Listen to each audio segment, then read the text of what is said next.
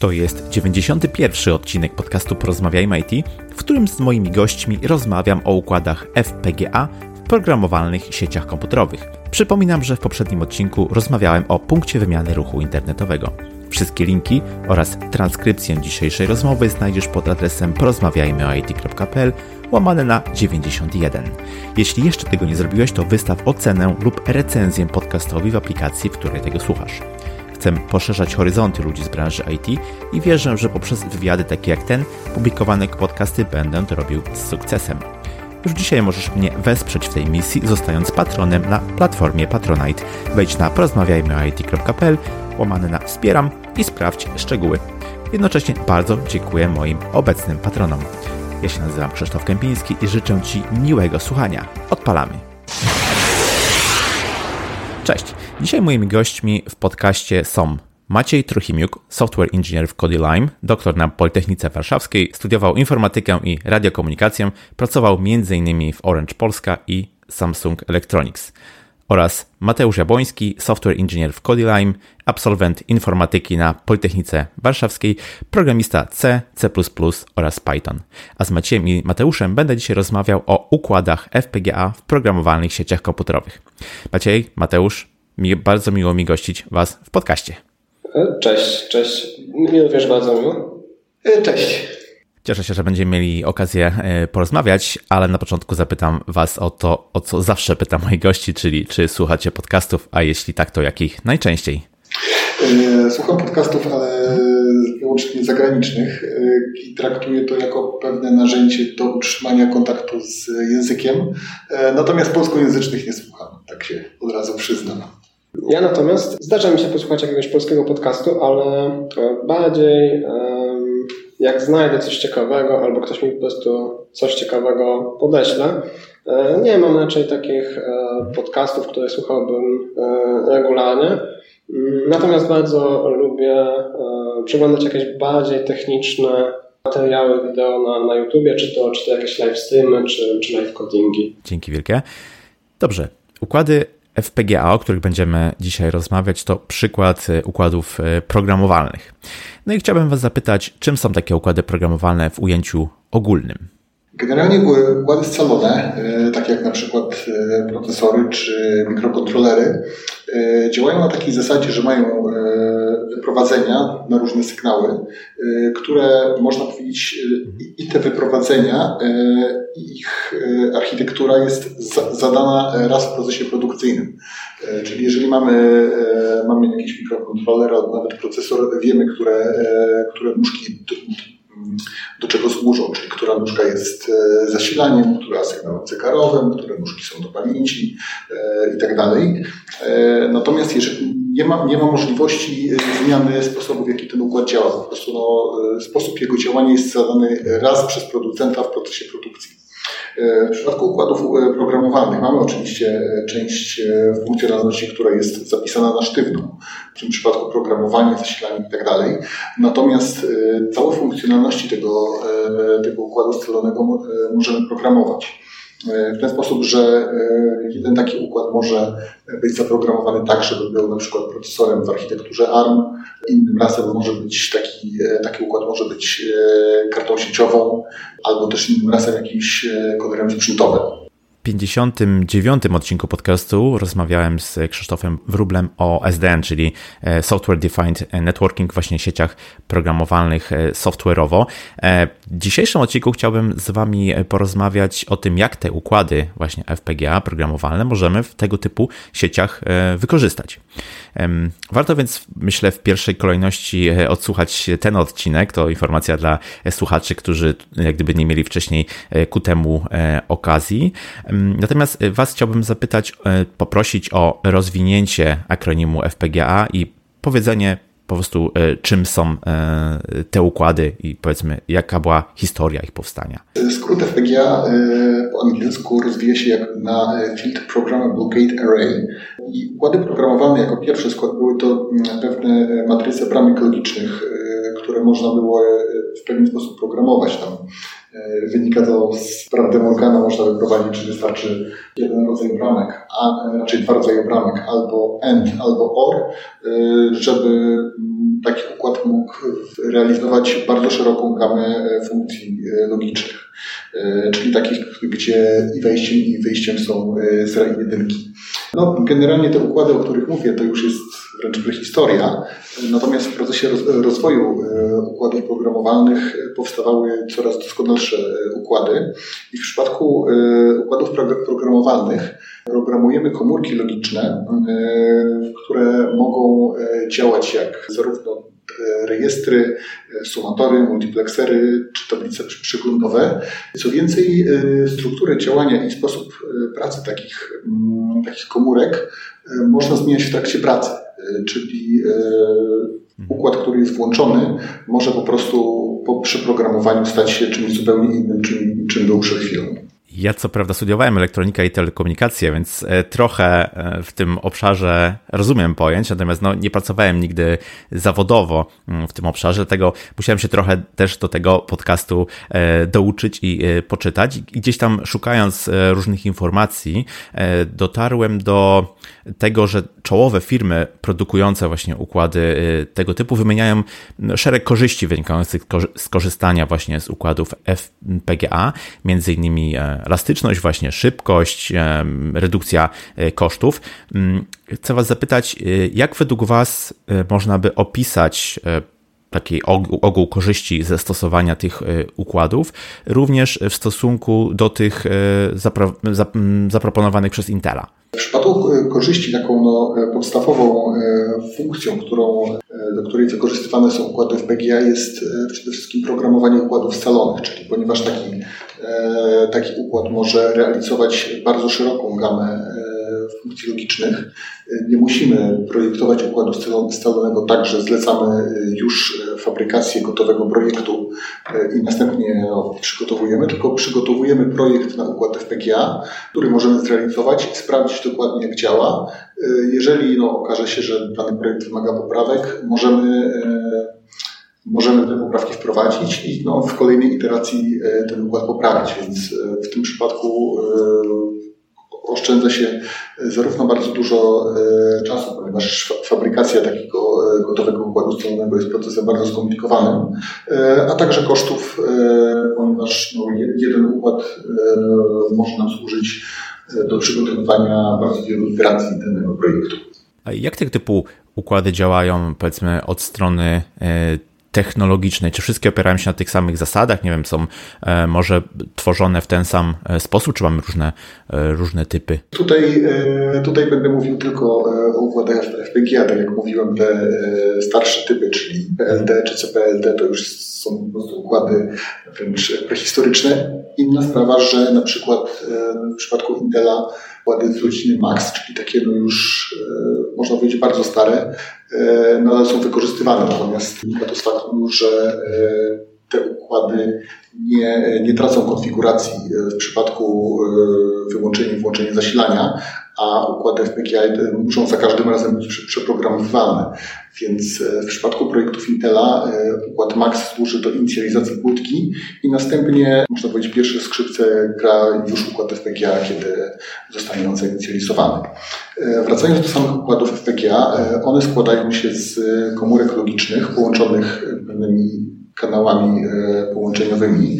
I jedna taka, e, każda komórka logiczna składa się z e, tablicy przeglądowej i jest to element, który jest programowany.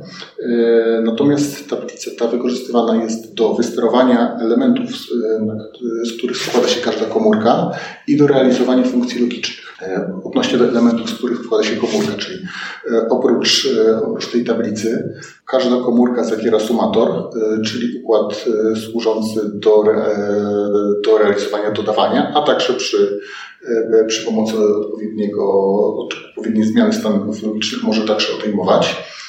Oprócz sumatora mamy także rejestry, czyli układy, czyli elementy logiczne służące do, e, do realizowania pamięci, takich najprostszych, e, i multiplexery, czyli elementy przełączające.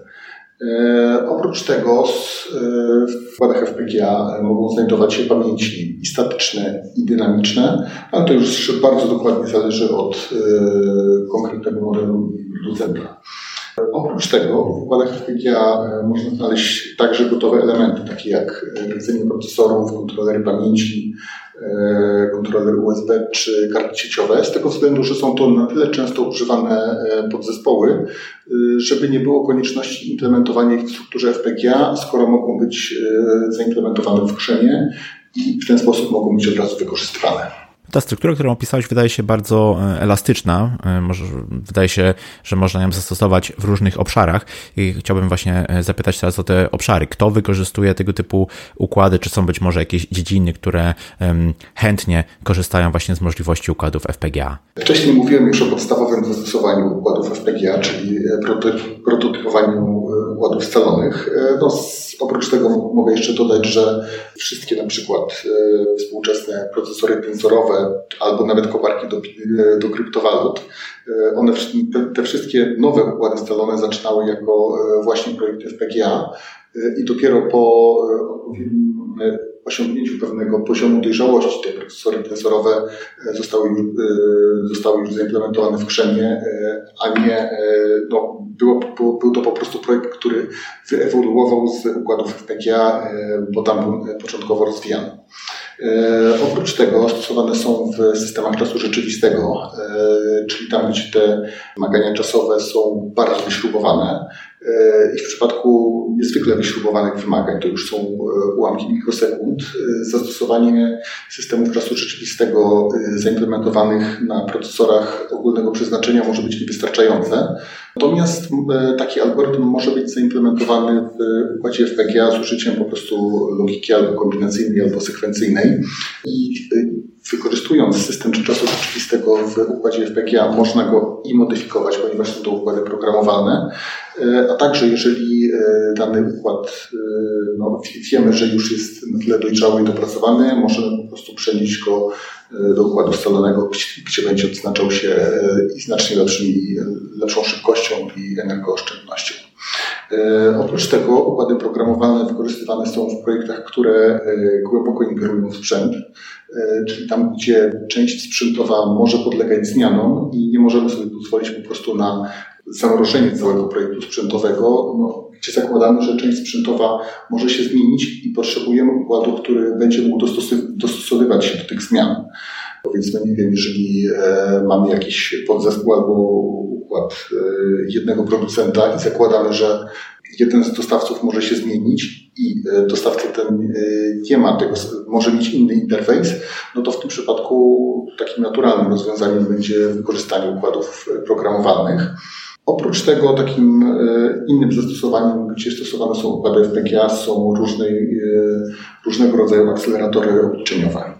Układy FPGA to układy programowalne. Do tej pory trochę powiedzieliśmy o podstawach technologicznych, o zastosowaniach, również o tym, jak to wygląda od strony sprzętu, ale myślę, że to, co szczególnie interesuje słuchaczy, to jak się programuje tego typu e, układy, jakich języków programowania się używa, w jaki sposób wreszcie transferuje się gotowy program do układu elektronicznego. W przypadku programowania układów programowalnych to pojęcie jest takie troszeczkę e, mylące z tego względu, że no, może nie mylące, ponieważ e, w odróżnieniu od na przykład procesorów ogólnego przeznaczenia albo nawet procesorów graficznych, nie ma programu, który by się na nim wykonywał w ten sposób sekwencyjny. W przypadku układów FPGA mm, programowanie, to co, to co nazywamy programowaniem układu FPGA, e, polega na stworzeniu architektury sprzętowej, która będzie realizowała e, zadany przez nas algorytm albo to, co chcielibyśmy, aby ten układ robił e, i opisaniu tego algorytmu w języku opisu sprzętu. Czyli no, takimi klockami, z którego ten algorytm budujemy, nie są tak jak w przypadku programów na CPU albo na kartę graficzną rejestry, pamięć i zestaw operacji, które udostępnia procesor, tylko w przypadku układów FPGA składamy ten, e, składamy ten algorytm z bramek logicznych, sumatorów, e, rejestrów, multiplexerów, czyli takich elementów już bardzo niskiego poziomu.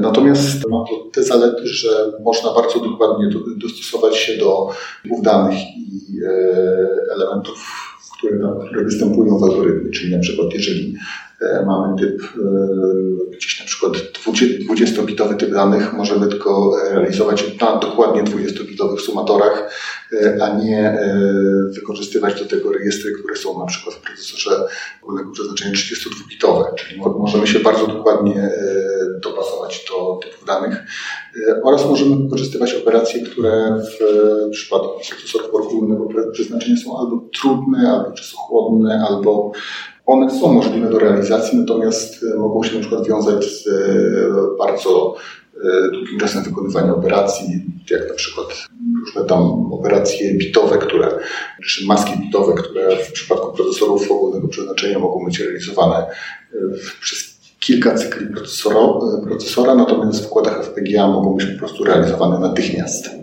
Rozumiem, czyli bardziej programujemy w krzemie niż jak gdyby w języku wysokopoziomowym.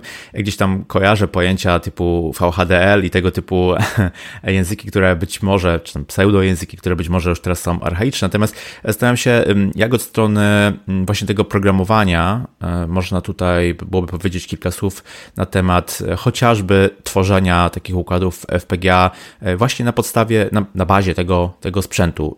Jakiego typu narzędzia, jakiego typu um, nie wiem, podejścia się wykorzystuje, żeby właśnie taką strukturę stworzyć? No, jeżeli chodzi o e, języki, no to nie jest tak, że one są archaiczne. No, e, w przypadku języka VHDL on ma składnie bardziej zbliżoną do Pascala niż do C, więc jest to może nie archaizm, ale no, pewna specyfika tego języka, że programuje się troszeczkę inaczej. E, raczej składnia jest trochę inna, natomiast Verilog, czyli inny język e, opisu sprzętu, ma składnię podobną do C, która no, niby powinna być taka bardziej e, intuicyjna dla osób, które nie miały wcześniej doświadczenia z językami opisu sprzętu. W przypadku tworzenia takiej architektury e, kluczowym narzędziem jest symulator e, HDL, e, czyli narzędzie, które pozwala zasymulować działanie architektury na podstawie no, znanych tam pobudzeń i sprawdzenia, jak ten przepływ danych wygląda. Symulator jest tutaj bardzo, bardzo istotnym elementem z tego powodu, że kompilacja programowanie, czyli cykl polegający na E, skompilowaniu danego opisu sprzętu do układu i zaprogramowaniu e, tego układu jest e, bardzo czasochłonny. Ta kompilacja nawet najprostszych programów może trwać bardzo długo. Dlatego tutaj kluczowym elementem jest symulator, aby, te, aby ten algorytm, który zostanie tam zaimplementowany, bardzo dokładnie i dogłębnie zweryfikować. W przypadku debugowania układu, e, raczej debugowania architektury sprzętowej e, jest to też mocno utrudnione. E, z tego względu, że architektura sprzętowa musi uwzględniać możliwość debugowania, co przejawia się na przykład tym, że architektura sprzętowa w, konfiguracji takiej gotowej do uruchomienia może się w układzie FPGA mieścić bez problemu, natomiast e, architektura przygotowana do debugowania może się już nie zmieścić w układzie e, i będzie się charakteryzowała znacznie gorszymi, e, gorszymi charakterystykami czasowymi. Więc tutaj w przypadku tworzenia algorytmów które będą zaimplementowane w układzie FPGA. Bardzo ważne jest ich dokładne przesymulowanie, ponieważ e, może się okazać, że debugowanie takiego projektu może być mocno utrudnione. No to ciekawe, ciekawe wyzwania, powiedzmy, tej dziedziny akurat e, programowania. E, zastanawiam się, no, w takiej, powiedziałbym, bardziej klasycznych e, ujęciach, czy w tworzeniu bardziej klasycznego programowania, które gdzieś tam ma działać na procesorach ogólnego przeznaczenia, albo, e, no nie wiem, na przykład gier, które bardziej wykorzystują GPU, domyślam się, że w tych dziedzinach trochę inaczej e, podchodzi się właśnie do programowania niż w przypadku układów programowalnych. Czy, czy mógłbyś powiedzieć, jakie są główne różnice, powiedzmy, w tego typu podejściu, a bardziej e, klasycznych e, procesorach ogólnego przeznaczenia i kartach GPU? W przypadku e, układów programowalnych, jak już mówiłem, projektujemy po prostu architekturę sprzętową, która będzie wykonywała pewne zadania. Mhm. Natomiast w procesorach ogólnego przeznaczenia mamy całą architekturę, czyli zestaw instrukcji, pamięć, mamy zadaną, dostosowujemy się w programie do tego, co zostało już przewidziane przez producenta.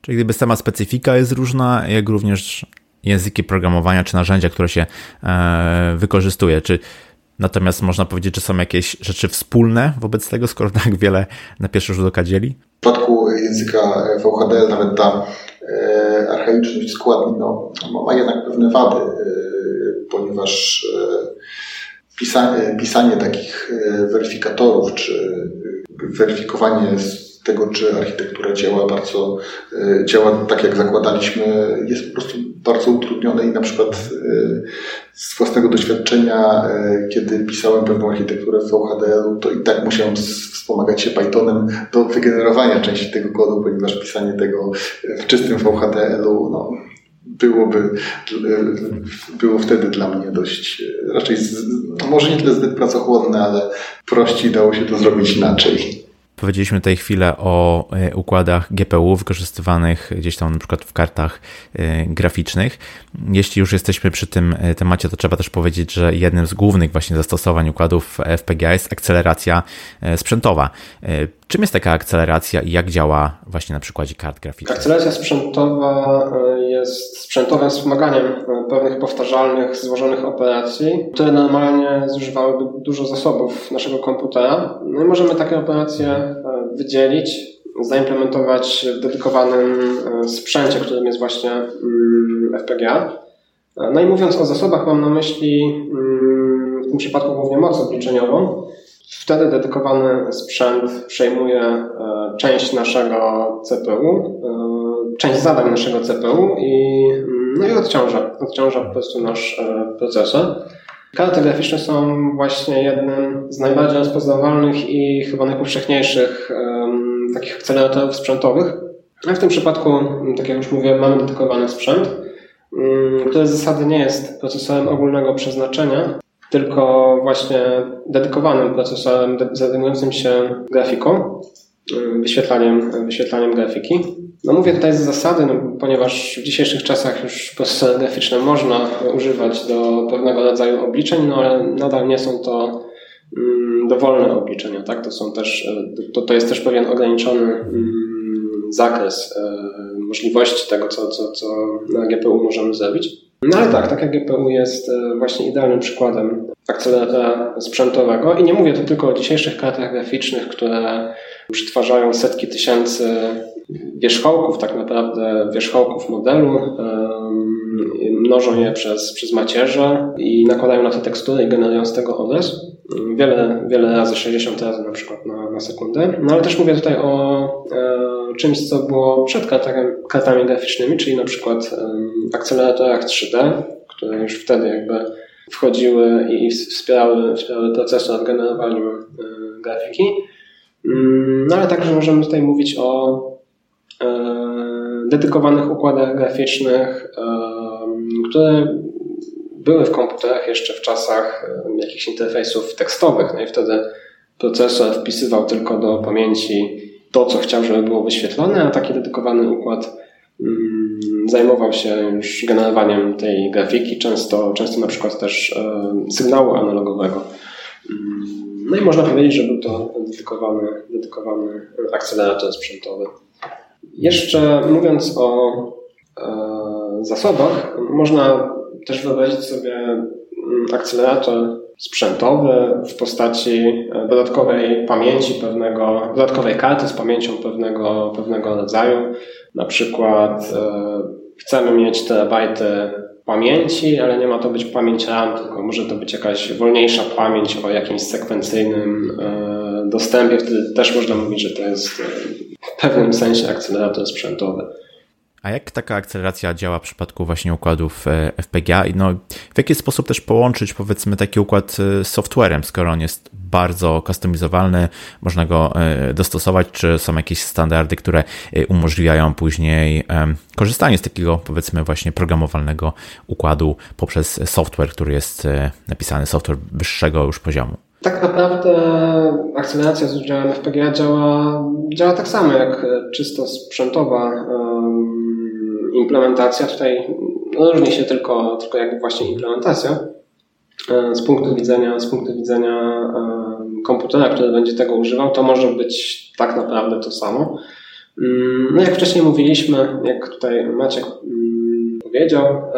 Główną różnicą jest elastyczność i no, wszystkie pozostałe plusy, które daje nam FPGA. Możemy w prosty sposób zmieniać implementację sprzętową. Mm, nawet już do wydanego sprzętu wpuszczać aktualizację, po prostu aktualizujemy wtedy, wtedy obraz. Mm, czy możemy też posiadać wiele implementacji, które będą działały na, na jednej płytce. Co do łączenia z softwarem, mm, najprostszym przykładem będzie chyba tutaj GPIO. Wtedy e, łączymy odpowiednie, mhm. odpowiednie piny naszego procesora, czy to w tym przypadku pewnie bardziej mikrokontrolera, e, z, z odpowiednimi pinami FPGA. No i wtedy w FPGA możemy odpowiednio zaprojektować ten sprzęt, żeby, żeby odpowiednio interpretował sygnały, które będziemy podawali na takich pinach. E, można oczywiście zaimplementować e, jakieś protokoły komunikacji, na przykład UART, SPI. Takim chyba najlepszym, e, najlepszym sposobem komunikacji mm, w przypadku jakichś dużych serwerów opartych o architekturę Intelową będzie PCI. Mm, wtedy, wtedy w FPGA implementujemy obsługę, obsługę PCI i nasz procesor może pisać do odpowiednich e, rejestrów w tak zaimplementowanym sprzęcie właśnie przez, przez, przez PCI. No a nawet możemy wpisać odpowiednie e, adresy do, do, do, do, tej, do tego FPGA i wtedy e, FPGA będzie pisał przez DMA do pamięci naszego hosta. Ja jeszcze ze swojej strony chciałbym dodać, że zarówno takie proste protokoły jak UART, jak i kontrolery PCI często są już zaimplementowane krzemowo w układach FPGA, więc są to rzeczy, które są po prostu już dostępne i można je wykorzystać. Rozumiem, czyli całkiem sporo różnych możliwości się tutaj przed nami otwiera, ale chciałbym porozmawiać o pewnym e, ciekawym i szczególnym zastosowaniu właśnie e, takich układów FPGA, e, którym to zastosowaniem jest Smart NIC. Ostatnio widziałem na blogu firmy Codirime, w której pracujecie, ciekawy artykuł na ten temat, więc chciałbym Was zapytać, czym jest i jak działa Smart NIC. W bardzo dużym skrócie, SmartNIC jest mm, kartą sieciową, inteligentną kartą sieciową, mm, którą możemy w pewien sposób e, programować, mm, no i która potrafi trochę więcej niż tylko zwykłe odbieranie i e, wysyłanie pakietów. Potrafi na przykład te pakiety w pewnym stopniu e, modyfikować już sprzętowo, albo podejmować jakieś decyzje na podstawie ich przepływu, no a także na podstawie kontekstu, tak? czyli na podstawie jakichś sesji, które zostały otwarte przez, przez inne pakiety. Co bardzo ważne, można, dodatniki można programować dynamicznie, zmieniając ich zachowanie w czasie, w czasie działania, co daje znowu bardzo dużą, dużą elastyczność. No i dzięki temu SmartLink pozwala właśnie na przeniesienie pewnych operacji e, sieciowych podejmowanych e, w czasie przepływu pakietów właśnie na e, sprzęt. To jest kolejnym przykładem akceleracji sprzętowej. Jak, jak powiedzmy SmartNIC ma się do ogólnie rozumianych układów FPGA? Czy to jest jakiś szczególny typ, szczególny rodzaj zastosowania? Gdzie są jakieś różnice i podobieństwa tych dwóch typów? Generalnie Użycie układów FPGA w smartnikach jest jednym ze sposobów ich implementacji. Mm, zamiast FPGA moglibyśmy mieć dedykowany sprzęt, czyli ASIC-i albo, albo jakieś procesory ogólnego przeznaczenia, ale przeznaczone tylko do, do obsługi, znajdujące się w danym sprzęcie, przeznaczone tylko do obsługi mm, pakietów. No I każde z tych rozwiązań, czy to, czy to FPGA, czy to ASIC, czy czy to procesory mają swoje mm, oczywiście wady i, i zalety. W przypadku ASIC-ów nie możemy zmieniać e, implementacji, tracimy więc elastyczność, no ale cena produkcji masowej e, jest na pewno korzystniejsza. W przypadku procesorów mamy mm, większą elastyczność, no ale nie mamy też dedykowanego sprzętu, który można by było bardziej zoptymalizować pod konkretne zastosowanie. Mm, no i moim zdaniem FPGA jest tutaj gdzieś po środku, tak? czyli jednocześnie mamy elastyczność, ale mamy też możliwość optymalizacji, zaimplementowania czegoś lepiej po swojemu. Właśnie, układy SmartNIC wykorzystuje się w SDN, sieciach definiowanych programowo. Więcej o tych sieciach rozmawiamy z Krzysztofem w 59 odcinku i tu odsyłam też do tego odcinka. Natomiast e, może tak byśmy krótko jeszcze przypomnieli, czym są sieci SDN i w jaki sposób wykorzystuje się mm, układy SmartNIC, by powiedzmy uzyskać właśnie tą akcelerację sprzętową. Mhm, jasne. Tak jak powiedziałeś, SDN to programowalne sieci komputerowe, czy sieci definiowane programowo. No i tak w skrócie główną ideą jest rozdzielenie warstwy mm, kontrolnej, czyli control plane, od warstwy transportowej, czyli data plane, w jakimś inteligentnym urządzeniu mm, sieciowym. No i wtedy takie urządzenie zajmuje się tylko przesyłaniem e, danych, a cała kontrola, mm, jak to robić, odbywa się w oprogramowaniu. No i o samych SDN-ach mógłbym tutaj mówić e, naprawdę dużo, no ale tak jak powiedziałeś, ja również polecam 59 odcinek podcastu mm, o SDN-ach. Krzysiek tam, Krzysiek tam e, myślę, że dużo o nich, dużo o nich opowiedział. A w przypadku zastosowania smartników w, w SDN-ach możemy mm, duży narzut e, warstwy transportowej przenieść właśnie z CPU na mm, sprzęt. Mm, oczywiście funkcjonalności, które można w tym przypadku akcelerować, zależą w dużym stopniu od e, konkretnego sprzętu, od tego, co chcemy, e, co chcemy osiągnąć mm, i od wymagań klientów. E, no ale tak, z takich najprostszych rzeczy możemy tutaj wymienić na przykład firewall sprzętowe. W takim przypadku warstwa kontrolna zajmuje się tylko programowaniem reguł, no a warstwa sprzętowa decyduje już w FPGA e, decyduje e, na podstawie tych reguł, jakie pakiety przepuszczać, a, a, a jakie zatrzymywać. E, no kolejnym zastosowaniem może być IPsec. I to jest jeszcze lepszy przykład, ponieważ całe szyfrowanie pakietów w tym przypadku możemy przenieść mm, do sprzętu, rozciążając nasz, nasz CPU. Mhm. Podobnie z VPN-em tunelujemy mm, wtedy w sprzęcie nasze pakiety, dodajemy, usuwamy odpowiednie nagłówki, mm, no i też odciążamy mm, procesor. E, no i ogólnie e, ogromne możliwości daje zaimplementowanie na przykład e, wirtualnych, inteligentnych switchy czy, czy, czy routerów. Możemy wtedy w takim switchu w sprzęcie zaimplementować to wszystko, o czym przed chwilą powiedziałem, czyli firewall, tunelowanie, szyfrowanie, no a także dodatkowo mm, to, czym zajmują się takie switche y, czy, czy routery, czyli jakiś routing, y, NAT, mm, czy cokolwiek, y, co sobie ktoś zażyczy, wymyśli. IPsec, VPN, e, takie obszary, które powiedzmy zyskują na znaczeniu w obecnych czasach, kiedy wzmożona, wzmożony ruch gdzieś tam w internecie panuje, kiedy coraz więcej ludzi pracuje zdalnie. Mm, myślę, że te osoby, które gdzieś tam zainteresowały się tym e, tematem właśnie e, związanym z układami FPGA, czy też właśnie z e, sieciami definiowanymi programowo, co mogłyby takie osoby zrobić, od czego mogłyby zacząć, co moglibyście polecić, jeśli ktoś chciałby rozpocząć gdzieś swoją przygodę właśnie w tym obszarze IT?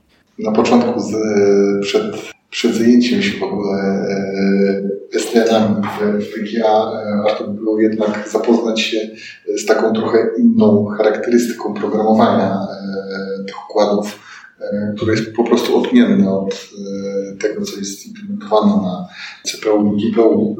To pytam może, czy są jakieś na przykład kursy internetowe, książki, inne materiały, z których można skorzystać, jeśli chce się e, poznać tego typu e, układy, czy też raczej studia są takim kierunkiem, e, który, który powinien nas tutaj dowieść, doprowadzić do, do tego? Ja generalnie programowania układów FPGA nauczyłem się na studiach. Generalnie i pracę inżynierską i magisterską robiłem no, ona dotyczyła e, co prawda takich zagadnień związanych z e, kodowaniem obrazów, ale no, były, były to projekty realizowane właśnie w układach FPGA. Ja się nauczyłem tego na studiach, natomiast e, z pewnością są i podręczniki, i kursy, gdzie można się tego nauczyć. No ja ze swojej strony mogę, ja ze swojej strony mogę powiedzieć, um, że na studiach miałem tak naprawdę jeden przedmiot obieralny, gdzie um, nauczyłem się tylko jakichś podstaw. W tej chwili głównie wykorzystuję układy FPGA przy, przy pracy nad SDN-ami, więc też nie mam jakichś dobrych materiałów, ale no, tak jak Maciej tutaj powiedział, na pewno dużo jakichś książek, moim zdaniem też pewnie jakieś, jakieś kursy, nawet darmowe gdzieś na YouTubie dałoby się, dałoby się znaleźć. Dobrze, to zapytam Was teraz o e, przyszłość. W jakim kierunku będzie następował rozwój układów e, FPGA i czy w przyszłości jeszcze mocniej będą one wpływać na przykład na, na sieci SDN? E, ja ze swojej strony spodziewałbym się, że zastosowania układów FPGA w sieciach, one, na, one na, na, pewno będą się rozwijać, choćby z tego powodu, że po tym jak E, Intel przejął firmę Altera, no, konkurent Intela, czyli AMD, szykuje przejęcie innego e, dużego producenta układów FPGA, czyli firmy Xilinx. Natomiast e, odnośnie do samych układów FPGA spodziewałbym się, że oprócz oprócz tych programowanych komórek logicznych będą się tam coraz częściej znajdować bardziej wyspecjalizowane elementy krzemowe, czyli kontroler, e, oprócz kontrolerów ethernetowych e, możemy się spodziewać też e, innych układów dedykowanych zastosowaniu w, w sieciach komputerowych.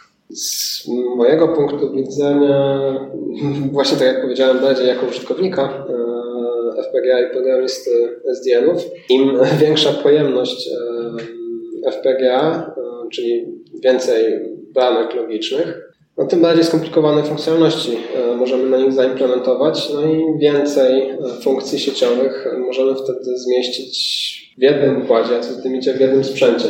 Więc prawdopodobnie e, w tym kierunku też, też, można, też można iść. No oczywiście wtedy implementacja też jest dużo bardziej skomplikowana. Dobrze, y, Maciej, Mateusz, bardzo Wam dziękuję za dzisiejszą y, rozmowę. Cieszę się, że pokazaliście y, taki nieoczywisty obszar związany z programowaniem, albo trochę inne podejście do programowania, może bardziej związanego ze sprzętem. Być może ktoś właśnie będzie miał się okazję zainspirować i w tym kierunku pokierować swoją karierą. Także bardzo dziękuję ze swojej strony i powiedzcie proszę, gdzie Was można znaleźć w internecie, w jaki sposób się z Wami skontaktować, gdyby ktoś właśnie może miał jakieś pytania, chciał dopytać o jakieś zagadnienia e, związane z tematem naszego dzisiejszego podcastu? E, jeżeli chodzi o kontakt do mnie, no to chyba najprościej będzie mailem. E, z tego powodu, że no, co prawda mam konto na Facebooku, nawet na Instagramie, natomiast mówiąc językiem młodzieżowym, nie należę do atencjuszy. Ja również dziękuję. Ja podobnie tak jak, tak jak Maciej, głównie prawdopodobnie wolałbym przez maila. Mm, myślę, że tam będzie gdzieś, gdzieś podany w opisie, ale mm, Mateusz Jabłoński, małpa codylime.com. Okej, okay, zatem maile znajdą się w notatce tego odcinka. Z mojej strony jeszcze raz bardzo dziękuję. dziękuję do usłyszenia. Cześć. E, dziękuję, do usłyszenia. I to tyle z tego, co przygotowałem do Ciebie na dzisiaj. Mam nadzieję, że ten odcinek pozwolił Ci zaznajomić się z układami FPGA i z ich wykorzystaniem w programowalnych sieciach komputerowych SDN. Jeśli doceniasz to, co robię, wesprzyj mnie na Patronite. To taka platforma, na której możesz wspierać twórców internetowych w ich działalności. Mnie możesz wesprzeć kwotą już od 5 zł miesięcznie. Mój profil znajdziesz pod adresem porozmawiajmy.it.pl łamane na wspieram. Link również w notatce do tego odcinka. Jeśli masz jakieś pytania, pisz śmiało na krzysztofmałpa porozmawiajmy.it.pl. Jeśli spodobał Ci się ten odcinek i nie chcesz przegapić kolejnych epizodów podcastu, zasubskrybuj go w swojej aplikacji podcastowej. Jeśli nie wiesz jak to zrobić, wejdź na stronę porozmawiajmy.it.pl łamane na subskrybuj. Ja się nazywam Krzysztof Kępiński, a to był odcinek podcastu Porozmawiajmy IT o układach FPGA w programowalnych sieciach komputerowych. Zapraszam do kolejnego odcinka już za tydzień. Cześć!